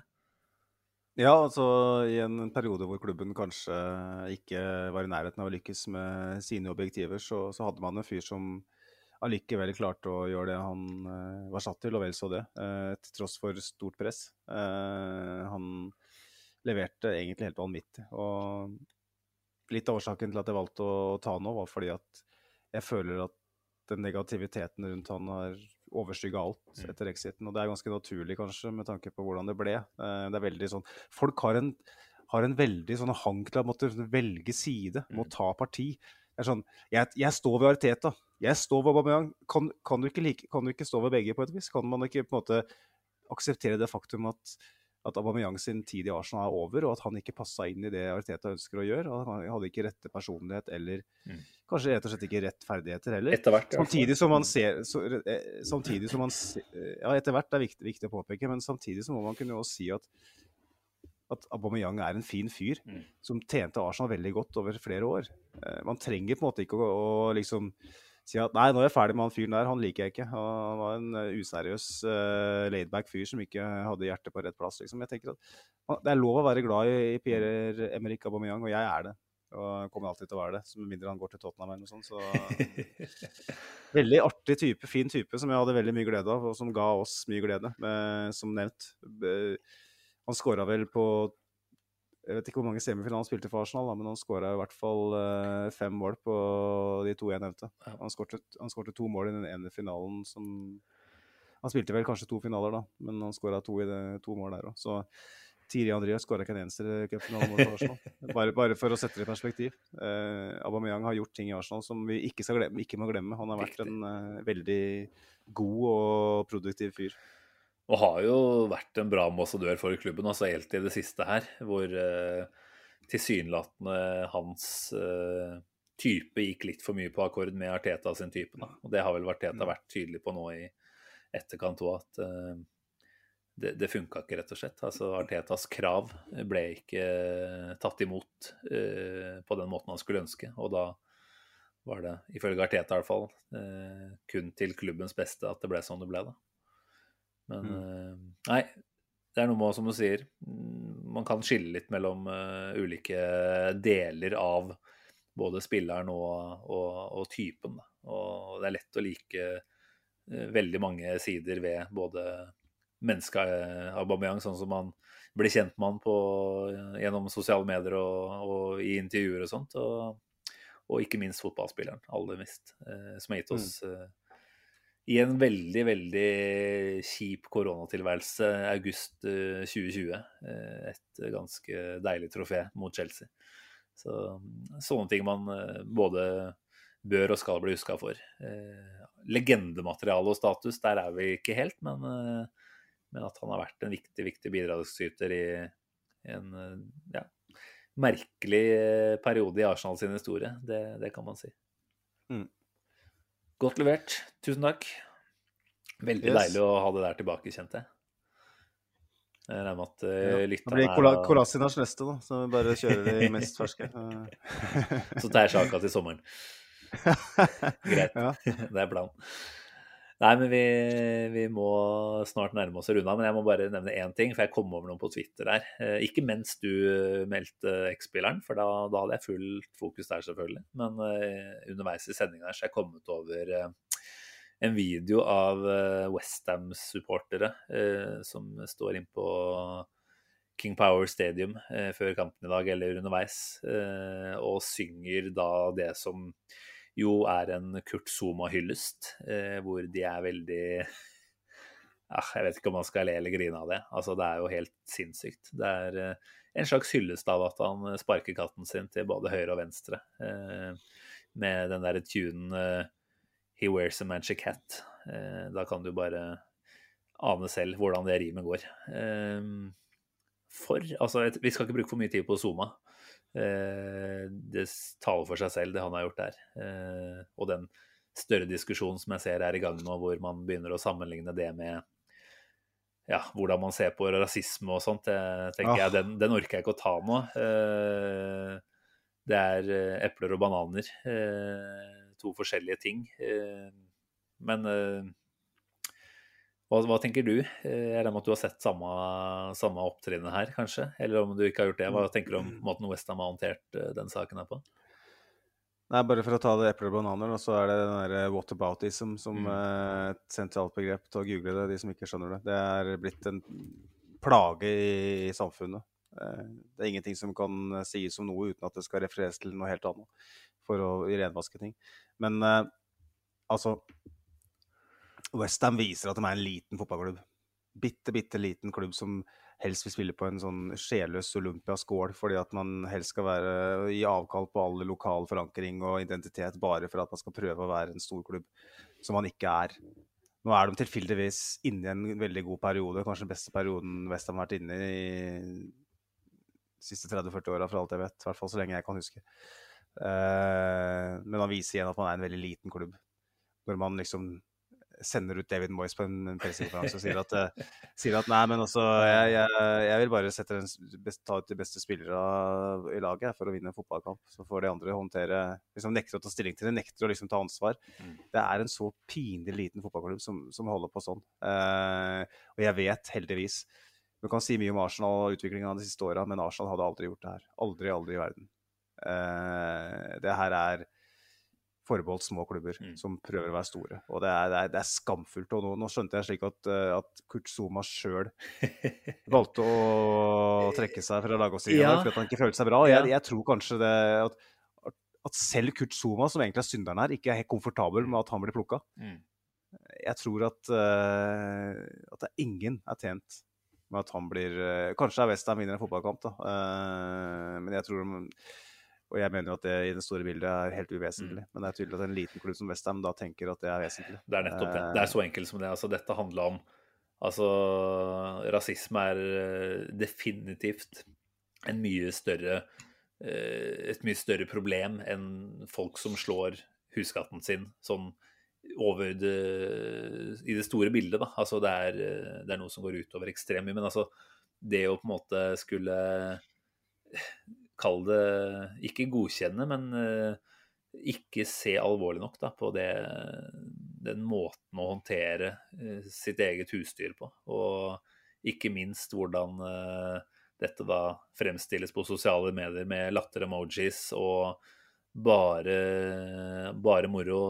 Har vel også et klipp der hvor sønnen eller ungen holder, bilden, holder katten, og hvor Kurt Zuma da klapper til med en sko eller noe sånt. Det er, det er jo helt, helt sinnssykt. og så kan man selvfølgelig si at ja, tenk på alle de som slår katta si eller bikkja si, og som ikke legger ut på Twitter og sånt. Eh, For jeg så jo overraskende mange ute som var liksom Ja, men skal ikke ta han for dette her. Selvfølgelig, Det er bare en katt. selvfølgelig skal du ta han for dette her. Eh, Ja, og som du sier, altså Alle kan begå feil og slikt, eh, men dette virka som en som ikke gjorde det første gang, for å si det sånn. da. Dette var eh, nesten normalitet, så det ut til, i, i, den, i det huset der. Så Og på en måte da, som du sier, da, eh, se at klubben eh, på mange måter eh, condoner dette her. og liksom, ja, men hadde han ikke vært en så god spiller, så kunne vi jo selvfølgelig på en måte satt den ut, men han er så viktig for oss, da. Da viser du igjen at eh, du handler Altså, prioriteten din er eh, her og nå, og ikke, ikke det større bildet. Og der tror jeg, som du sier, og at Arsenal ville vurdert annerledes. Ja, det er jeg faktisk helt sikker på, heldigvis. Og det, det er jeg stolt av å kunne si. Eh, at jeg ikke holder med en fotballklubb som, som, som er så eh, pinlig liten eh, som det Westham er i det øyeblikket her. Og det blir jo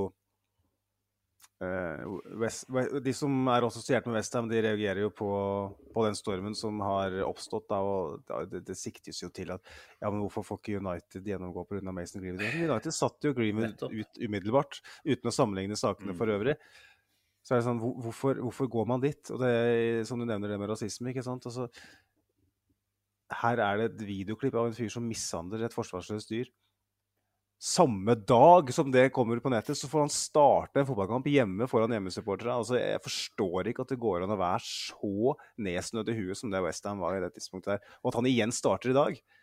Eller i hvert Ja, fall, ja. altså, det er nesten sånn, at, nesten sånn at man håper at Tottenham blir nummer fire istedenfor Westham. Altså, hvis ikke vi blir det. det er nesten, nesten der, altså, for det er så forbanna pinlig. Sorry, Westham. Altså, nå håper jeg dere går skikkelig til helvete for det. Ja, ja, altså. at, det at det ikke er noe med ryggraden i den klubben som står opp nå og sier unnskyld for at den starter den Mm. kampen over Akeren i dag. Det er, det er helt utrolig. Det er helt utrolig. Ja, det, det er nettopp det. Altså, jeg tror det er ganske mange der ute som sitter i utgangspunktet og tenker at ah, Westham denne sesongen her, det er et kult lag. Og ute og utfordrer de absolutt uh, største gigantene, og vi håper at de tar den fjerdeplassen. Uh, og uh, altså bare det at Westham gjør dette her med tanke på, på brandinga si, hadde jo ikke vært ideelt, men det hadde i hvert fall gitt mening. De gir på en måte ikke mening fra noe ståsted annet enn akkurat den her og nå, denne kampen selvfølgelig, da, som jo er viktig for dem. Mm. Men, eh, men hvordan Westham som klubb nå blir oppfatta bare på bakgrunn av en sånn her type eh, greie, det, det tror jeg de Ja, jeg, jeg ville ikke undervurdert det hvis jeg var uh, merkevareansvarlig eh, der borte, da. Da ville jeg stilt store, eh, store spørsmål rundt hvordan man håndterte det her. Men greit nok. Har du noe mer du ville innom her? Nei, nå Hva sa du? lyst til å avslutte med en hyggelig nyhet eh, om noe helt annet. Det er at Tomiasu er tilbake på feltet. Ja, ja. Kom jeg også over på Twitter her i stad. Så Det er bra. kan bli en fin uke, dette, Magnus. Det, det håper vi. Eh, Lørdag klokka fire er avspark. Å, det er firekamp òg, ja. Åh, nå kjenner jeg liksom at uh, helga kan ikke komme fort nok. Og nå er, jo, er det jo allerede søndag kveld, så nå er det jo snart helg igjen. Egentlig så er det helgen allerede. skal du sitte oppe i natt og se Superbowl?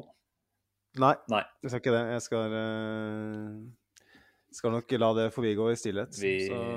må jo bare nevne, da, siden hun måtte er der, og at det er jo da Cronkis lille kjæledegge Los Angeles Rams, som spiller på hjemmebane, altså sin nye hjemmebane i er det Inglewood, litt utenfor Los Angeles, mot uh, Cincinnati Bengals. Uh, er det sånn, uten at vi skal lage det til noen Arsenal-diskusjon, hva tror du, hvis du skulle tippa Los Angeles Rams taper kontra Rams vinner? Tror du det hadde hatt noe å si for måten Cronkis eh, tilnærmer seg Arsenal? Altså det å vinne eh, Superbowl. Tenker de OK, nå kan vi huka litt for den. Eh, flytte inn i ny stadion, vinne Superbowl. Nå har vi enda litt mer fokus over eh, i Nord-London. Spytter inn litt mer spenn der. Vinner eh, Premier League eller Champions League i løpet av de neste to åra. Det er jo det som er planen. Men, eh, og vi har jo for så vidt sett at det har vært en backing fra eierne inne i bildet her. Men Mm. kan, kan vi håpe at det blir enda litt forsterka hvis uh, Rams uh, nå skulle dra i land uh, Jeg vet ikke hvilket nummer jeg, den Superbowlen her er. Nei, det vet ikke jeg heller. Men jeg syns det er helt 52. umulig å s- 52 er det. 52 Nei, det klinger godt i norsk, 56. 56 jeg, tar, jeg, jeg er trøtt. Ja. Det var nummer Nå klinger det ikke godt. Jeg var på Hjallis og Kupperen her. Men nei, jeg, jeg vet ikke. Altså, jeg har egentlig ikke så veldig mye tillit til de eierne her. Uh, egentlig annet enn at hun sa 'be excited' uh, en gang i tida. Og han ikke skulle vært det. Uh, men det er klart i den grad man liksom har en sånn bucketlist uh, internt, at man liksom Det her skal man oppnå, så kan det jo hende at det er en inspirasjon, da. Men uh, jeg tror vel ikke at uh, jeg, vet, jeg aner ikke. Jeg tror, jeg tror ikke Nei. at det har noen særlig til innvirkning. Er det sånn at du du har tydeligvis tenkt litt over det? Er det noe du tror at uh, kan ha en effekt? Altså Nei, jeg tror egentlig ikke det. Og jeg tror at Kronky, altså far Kronky, da, er uh, åpenbart mye mer eh, investert i dette NFL-prosjektet enn i Arsenal-prosjektet. Og det hadde gleda meg å sett han eh, sutre etter nattas Superbowl. Så jeg tror egentlig det er det som veier tyngst for meg. At, uh, dermed er jeg på Cincinnati Bengals. Men jeg kommer ikke til å sitte oppe på scenen. Det skal dessverre jobbes fra klokka åtte i morgen tidlig. Ja, og det, det, tikker mot åtte, ser jeg. Så Det begynner å bli seint. Vi er snart, snart uh, over på mandagen allerede, så jeg tror vi bare må sette en strek der. Så vi er, vi er snart over på mandagen, Så skal, du, skal, du være åp skal du være våken allikevel, tenkte jeg. Nei, vi sier god natt, eh, Magnus. Dette får duge. Vi har ikke spilt kamp på flere dager og allikevel sitter her i over halvannen time. Det er ikke bra. Det er ikke bra. Nei, det er dårlig. Det er dårlig av oss. Men uh... Vi tar det på, vi tar det på vår kappe. Definitivt. Ingen andre. Og er det sånn at noen har eh, fulgt med i hele episoden, så er vi bare takknemlige og ærbødige for- overfor det. Det er eh, veldig ålreit at eh, dere lytter. Det setter vi meget stor pris på. Vi fortsetter å podde utover, vi. Satser på at de neste ukene byr på omtrent de resultatene vi spådde tidligere i sendinga, Magnus. Så blir dette her et, eh, en veldig fin vår. Lyse tider og koronarestriksjoner som oppheves, og det er mye å glede seg over. Og Fotballtur til England! Ja, nå sa du det òg, så det betyr at dette her blir det nå. Ja. Yes. Ja, men det blir bra. Eh, takk til deg som lytter. Eh, vi eh, får vel bare si at vi høres igjen om ikke så altfor lenge. Vi krysser fingrene for det. Hei, hei. Ha det bra. Ha det, hei.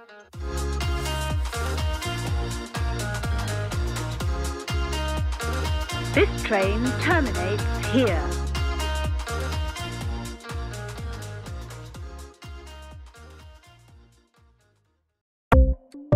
Ukens annonsør er HelloFresh.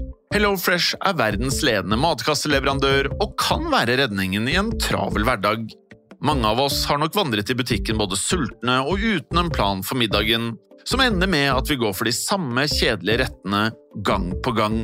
Middag burde være dagens høydepunkt. Som Hello Fresh kan du nå velge mellom 25 ulike retter hver eneste uke, eller få Hello Fresh til å sette sammen menyen for deg.